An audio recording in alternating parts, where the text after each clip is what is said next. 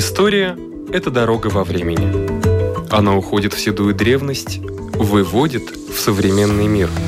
Она показывает, рассказывает, объясняет. И не перестает удивлять. Живая история.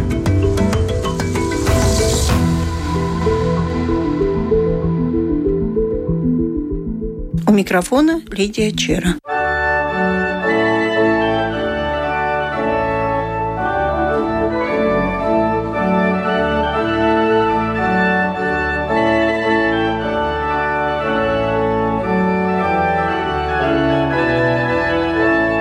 Сегодня попробуем заглянуть в эпоху Курзамского герцогства и узнать про династию Кетлеров.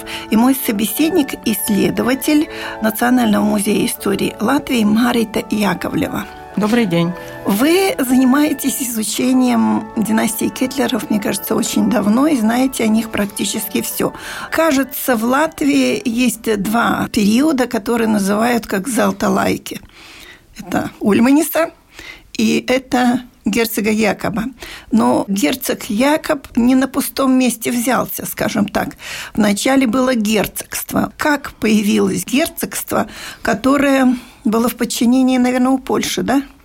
Да, это было в подчинении Польши и Литвы. Герцогство появилось в ходе Ливонской войны. Этому способствовало несколько обстоятельств. Во-первых, реформация, которая уже в XVI веке обхватила почти всю Европу и дошла также до Ливонии. Э, во-вторых, это борьба ливонских церковных владетелей за власть здесь, в Ливонии, то есть это Ливонский орден и Рижский архиепископ, который боролись за власть все средневековье, но особенно эта борьба обострилась в первой половине XVI века, и там одно время Ливонский орден был как бы более ведущим, потом был Рижский архиепископ, потом как бы совместное владение, но во всяком случае договориться они между собой не смогли.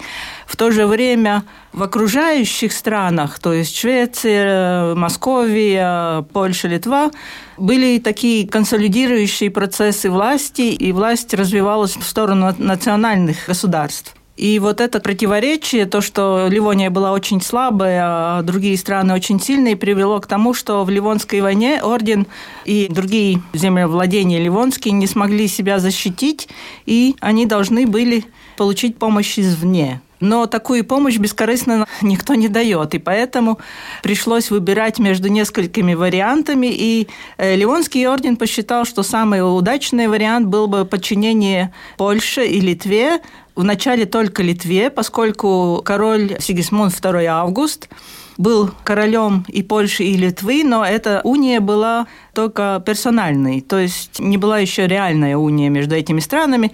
И в войну вступила только Литва. Польша тогда отказалась воевать с Московией, поскольку посчитала, что это далеко и невыгодно. И вот, чтобы получить эту помощь литовскими войсками, Готхард Кетлер, который был последним ливонским мастером ордена, посчитал, что лучше, значит, заключить договор с королем Сигисмундом Августом как литовским князем, великим князем литовским. И этот договор, который называется «Пакта субъекционис», то есть или договор о подчинении, был заключен в Вильнюсе в 1561 году, 28 ноября. Надо сказать, что сейчас у нас в публичной сфере этот договор начали называть Веленской унией. Но это название происходит из литовской Википедии.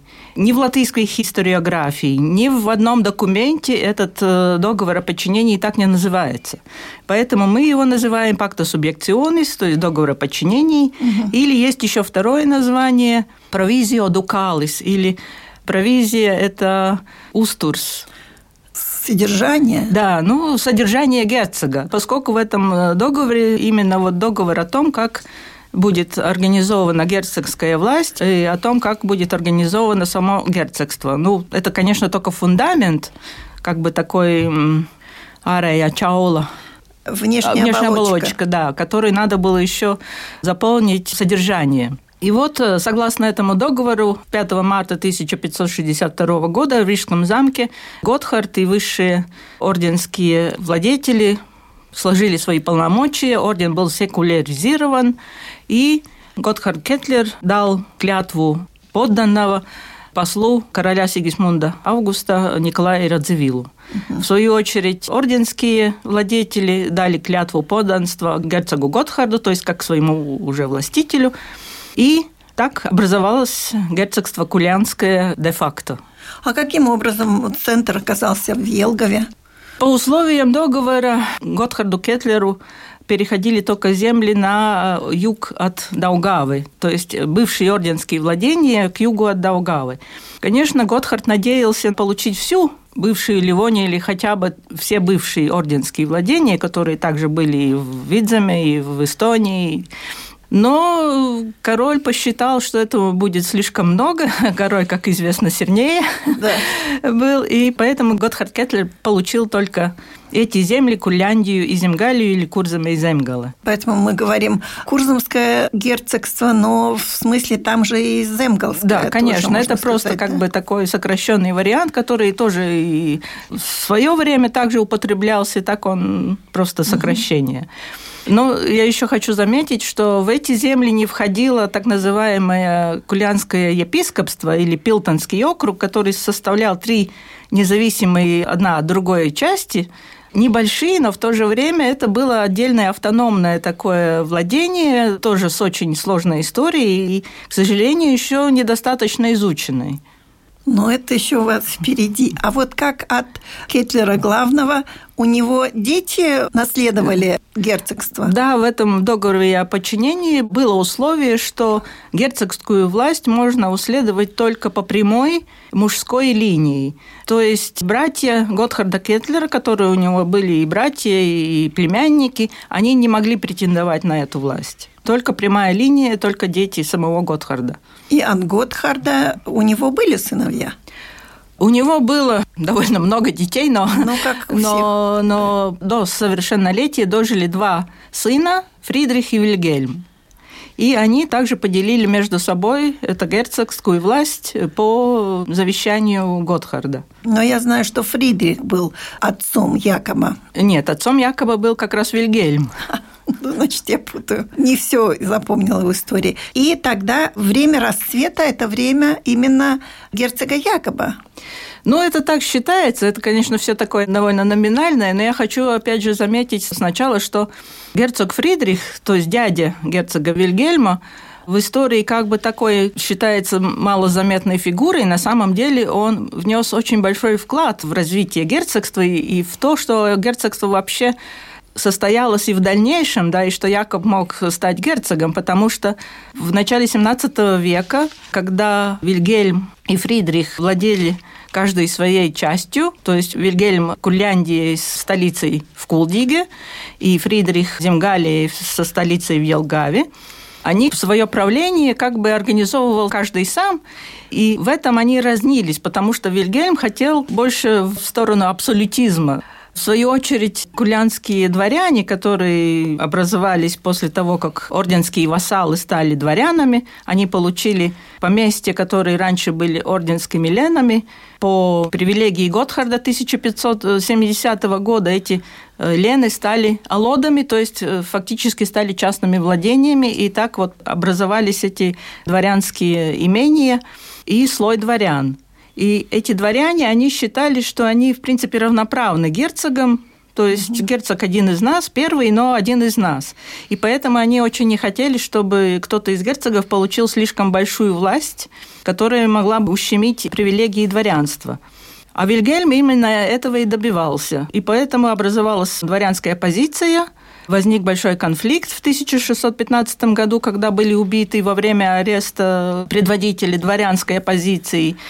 И дворянство послало жалобу польскому королю, тогда это был Сигисмунд III. Сигисмунд III отстранил от власти и Фридриха, и Вильгельма. Там было большое судебное разбирательство, и в конце концов Фридрих получил обратно и свою земгальскую часть, и Курляндию. Демократ все-таки победил, ну, скажем так. Ну ладно. Не то, чтобы демократ, но это. Но то, он что... был мягче. Он был мягче, да. И это, в принципе, очень большая его заслуга, потому что в 1589 году польский сейм принял такой закон, что если, например, Кулянское герцогство останется без герцогов, то есть вымрет или что там еще другое случится, то Польша имеет право не назначать нового герцога, а просто разделить герцогство и присоединить как староство к Литве. Получается большой вопрос. Если бы Фридрих не смог оправдаться и получить обратно власть, да, что бы было бы с Латвией? Большая Литва, или, в общем, это такое... Урезанная Латвия. Да, или урезанная, или... Ну, в общем, это такой интересный вопрос. Это первая заслуга Фридриха. Вторая заслуга Фридриха – это в том, что он отстоял права герцога Якоба на трононаследие, поскольку Вильгельма отстранили, то автоматически отстранили герцога Якоба, который был единственный сын на двоих герцогов. То есть да. жена Вильгельма умерла при родах, то есть мать Якоба. Вильгельм второй раз не женился и был... Детей, соответственно, не было. Да, больше и не было. И к тому же он жил в ссылке. Фридрих же женился на Елизавете Магдалене Померанской, но, к сожалению, у них же детей вообще не было. Ситуация была такая патовая, и поэтому Фридрих очень боролся в Польше за то, чтобы якобы вернули права на наследие. И это у него удалось после смерти Сигисмунда III в 1632 году. Сейм признал якобы наследником, но с условием, что Вильгельм никогда не вернется в Курляндию. Вот как.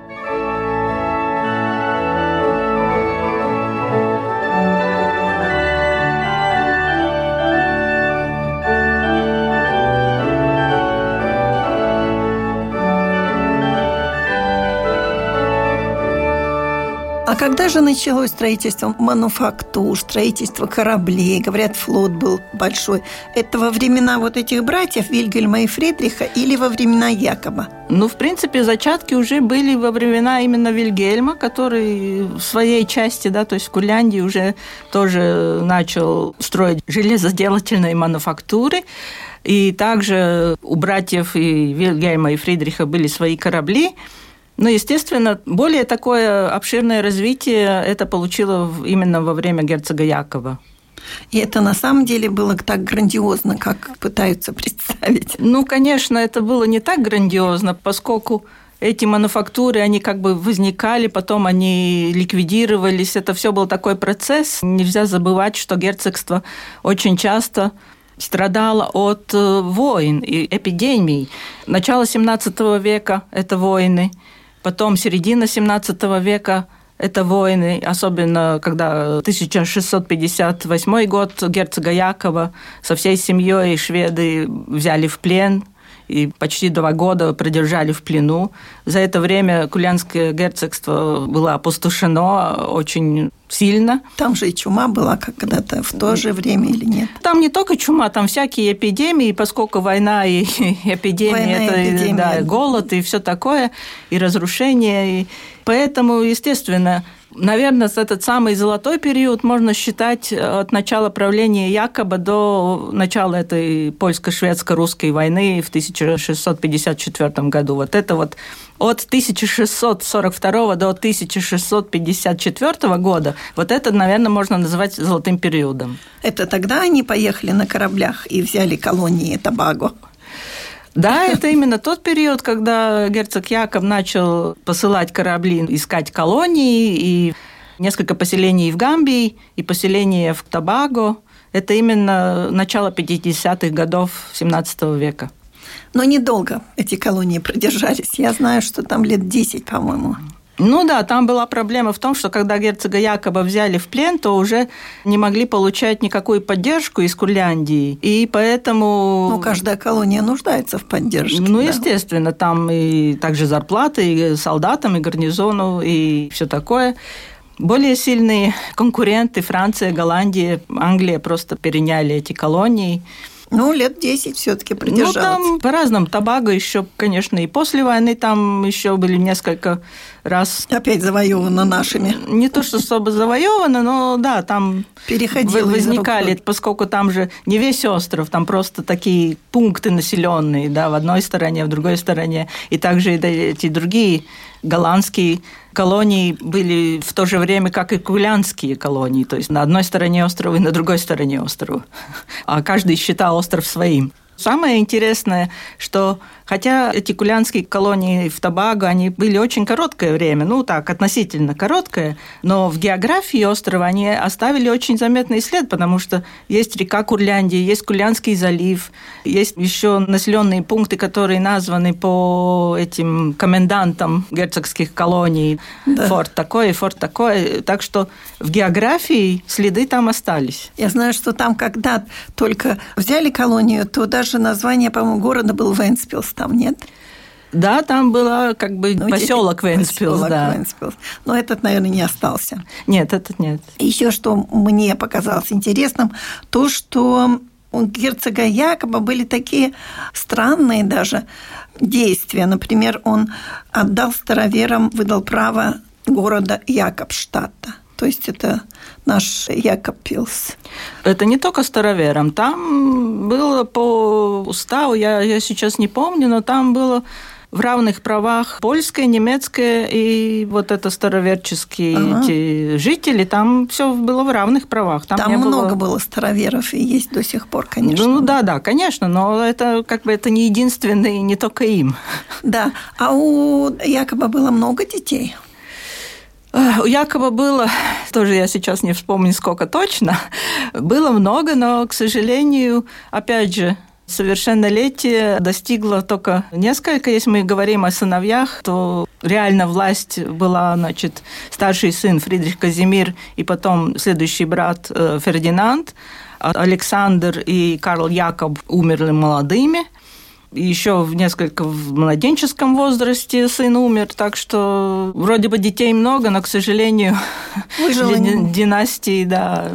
Не состоялась дальше? Не то чтобы не состоялась, но просто ослабла. То есть не смогла продолжиться, поскольку после смерти сына Якова Фридриха Казимира в 1698 году на власть претендовали, во-первых, его сын, которому тогда было 6 лет, Фридрих Вильгельм, конечно, в тандеме со своей матерью Елизаветой Софией, и брат Фридриха Казимира Фердинанд, который имел военную карьеру в Бранденбурге и в Польше, и который после смерти герцога Якова обещал никогда не претендовать на герцогский трон. Это был заключен такой договор между Фридрихом Казимиром и Фердинандом специальный, и ему были выплачены деньги, соответственно – но после смерти Фридриха Казимира Фердинанд сразу заявил свои права. И поэтому тут началась такая политическая игра. В конце концов, Фердинанд получил право герцогства, поскольку он имел поддержку в Польше –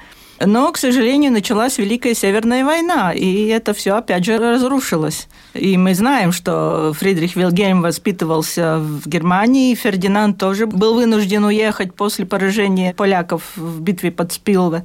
И он жил в Данциге, до конца жизни потом. А уже после Северной войны как бы такой давлеющей силой в регионе стала Россия. И это женитьба Фридриха Вильгельмана, герцогини Анне Иоанновне. Это один из первых шагов по получению герцогства от России.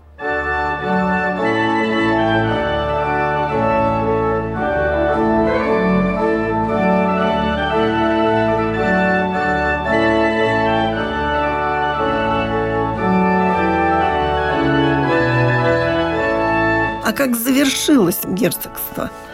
Курзамская. Ну, герцогство... Где конец? Конец это 1795 год. Это уже накануне, Петр Берон. Да, да, накануне это, 19 века. Это третий раздел Польши, когда большие державы договорились между собой, и последние части Польши были разделены между Россией, Австрией и Пруссией. И Кулянское герцогство отошло к России. Это был самый конец. Но время было интересное, согласитесь.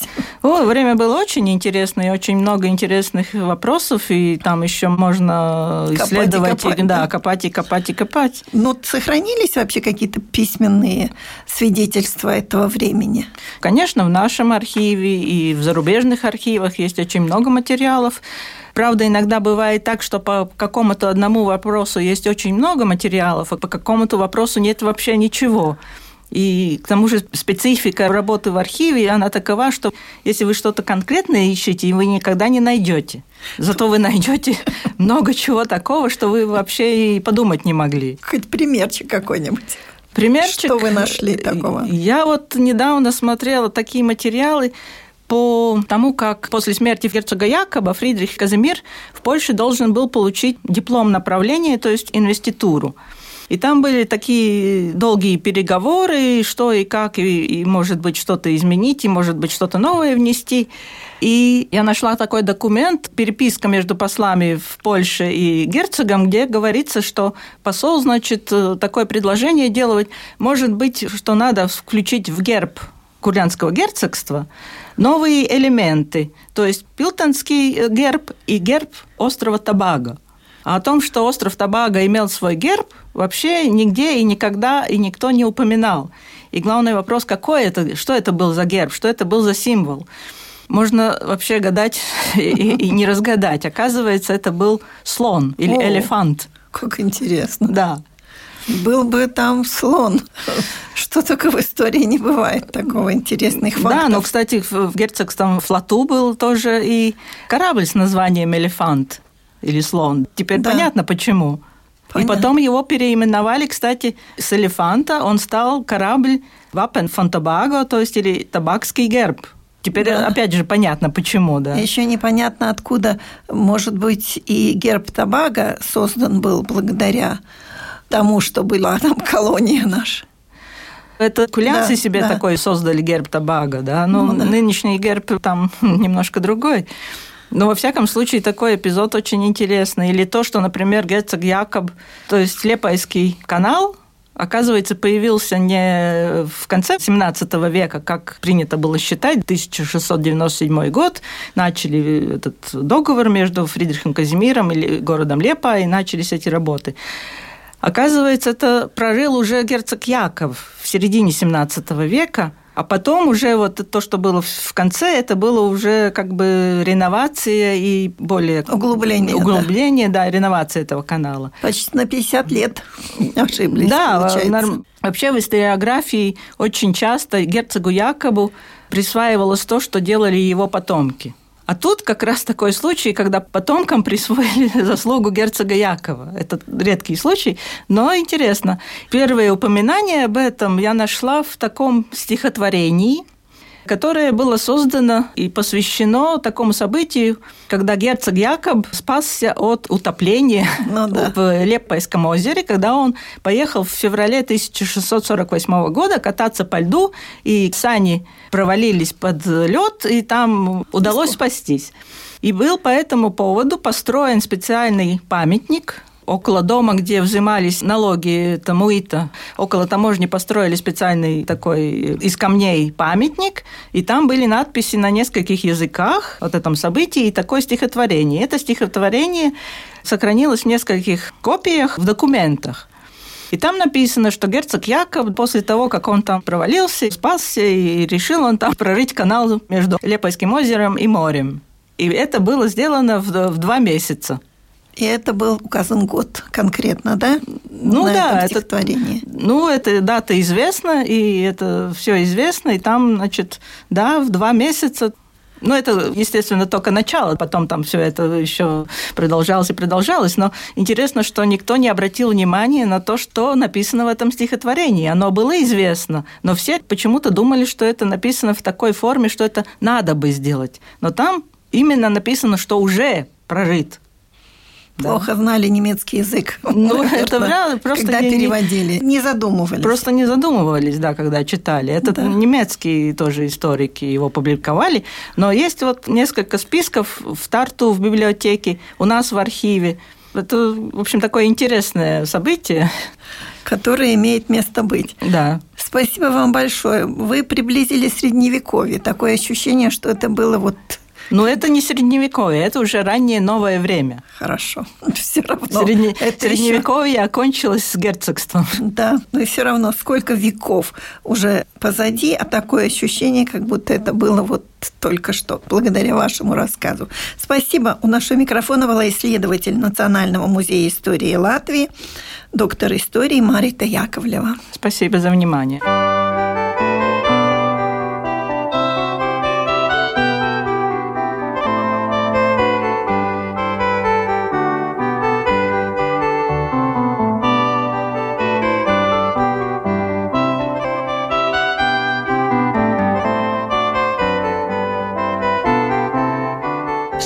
Реликвий истории Латвии, рассказывает историк Ирина Зейбарта. Всем известно, что одним из самых-самых значимых, самых больших символов независимости и государственности Латвии является памятник свободы.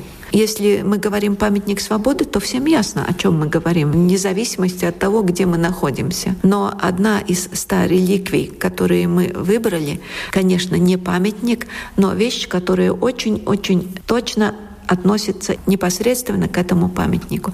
Это серебряная ручка и перо, которым были подписаны документы открытия этого памятника. История памятника до того, как он был открыт, довольно долгая. Сразу после окончания боев за освобождение в обществе Латвии стали говорить о том, что нужно построить памятник людям, которые отдали свои жизни, которые сражались за свободу Латвии. Эта дискуссия в обществе была довольно продолжительной, и уже в разных местах Латвии стали строиться эти памятники. Например, первым из больших памятников был памятник в городе Цейсис, где происходили бои лета 1919 года, и в 1924 году этот памятник был открыт. Но в Риге его не могли построить довольно долго, именно потому, что это должен был быть уже по определению самым большим, самым значительным памятником в памяти освободительных боев,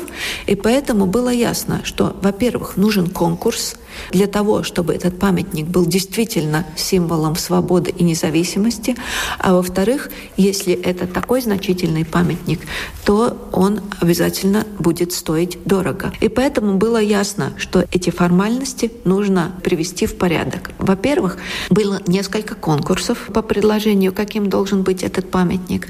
И в конце концов, в последнем из этих конкурсов победил, как э, вам уже известно, скульптор Карлос Зале со своим предложением памятника. И когда он уже был готов работать, Тогда был создан специальный комитет по созданию памятника свободы, так он и назывался «Брīvības пieminekļa комитея». И этот комитет возглавил президент. Сначала это был Густавс Земгалс, потом, конечно, Альбертс Квесис. И под руководством президента этот комитет начал собирать пожертвования.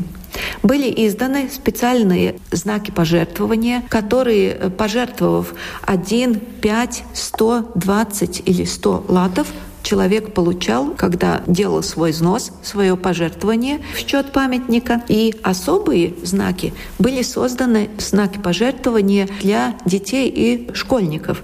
20 и 50 сантимов. Ну, сколько каждый мог пожертвовать на этот памятник. В общем, на строительство памятника ушло э, около двух с половиной миллионов лат. Но собрали еще больше этих пожертвований, а остаток, который не был использован на строительство памятника свободы, использовали на устройство э, братского кладбища. Тут же в Риге тоже проекта Карлиса Зала. В 1931 году э, на годовщину провозглашения государства 18 ноября был заложен фундамент этого памятника. Это было торжественная церемония, и после этой церемонии строительство памятника продолжалось целых четыре года. И, наконец, 18 ноября 1935 года памятник был торжественно открыт.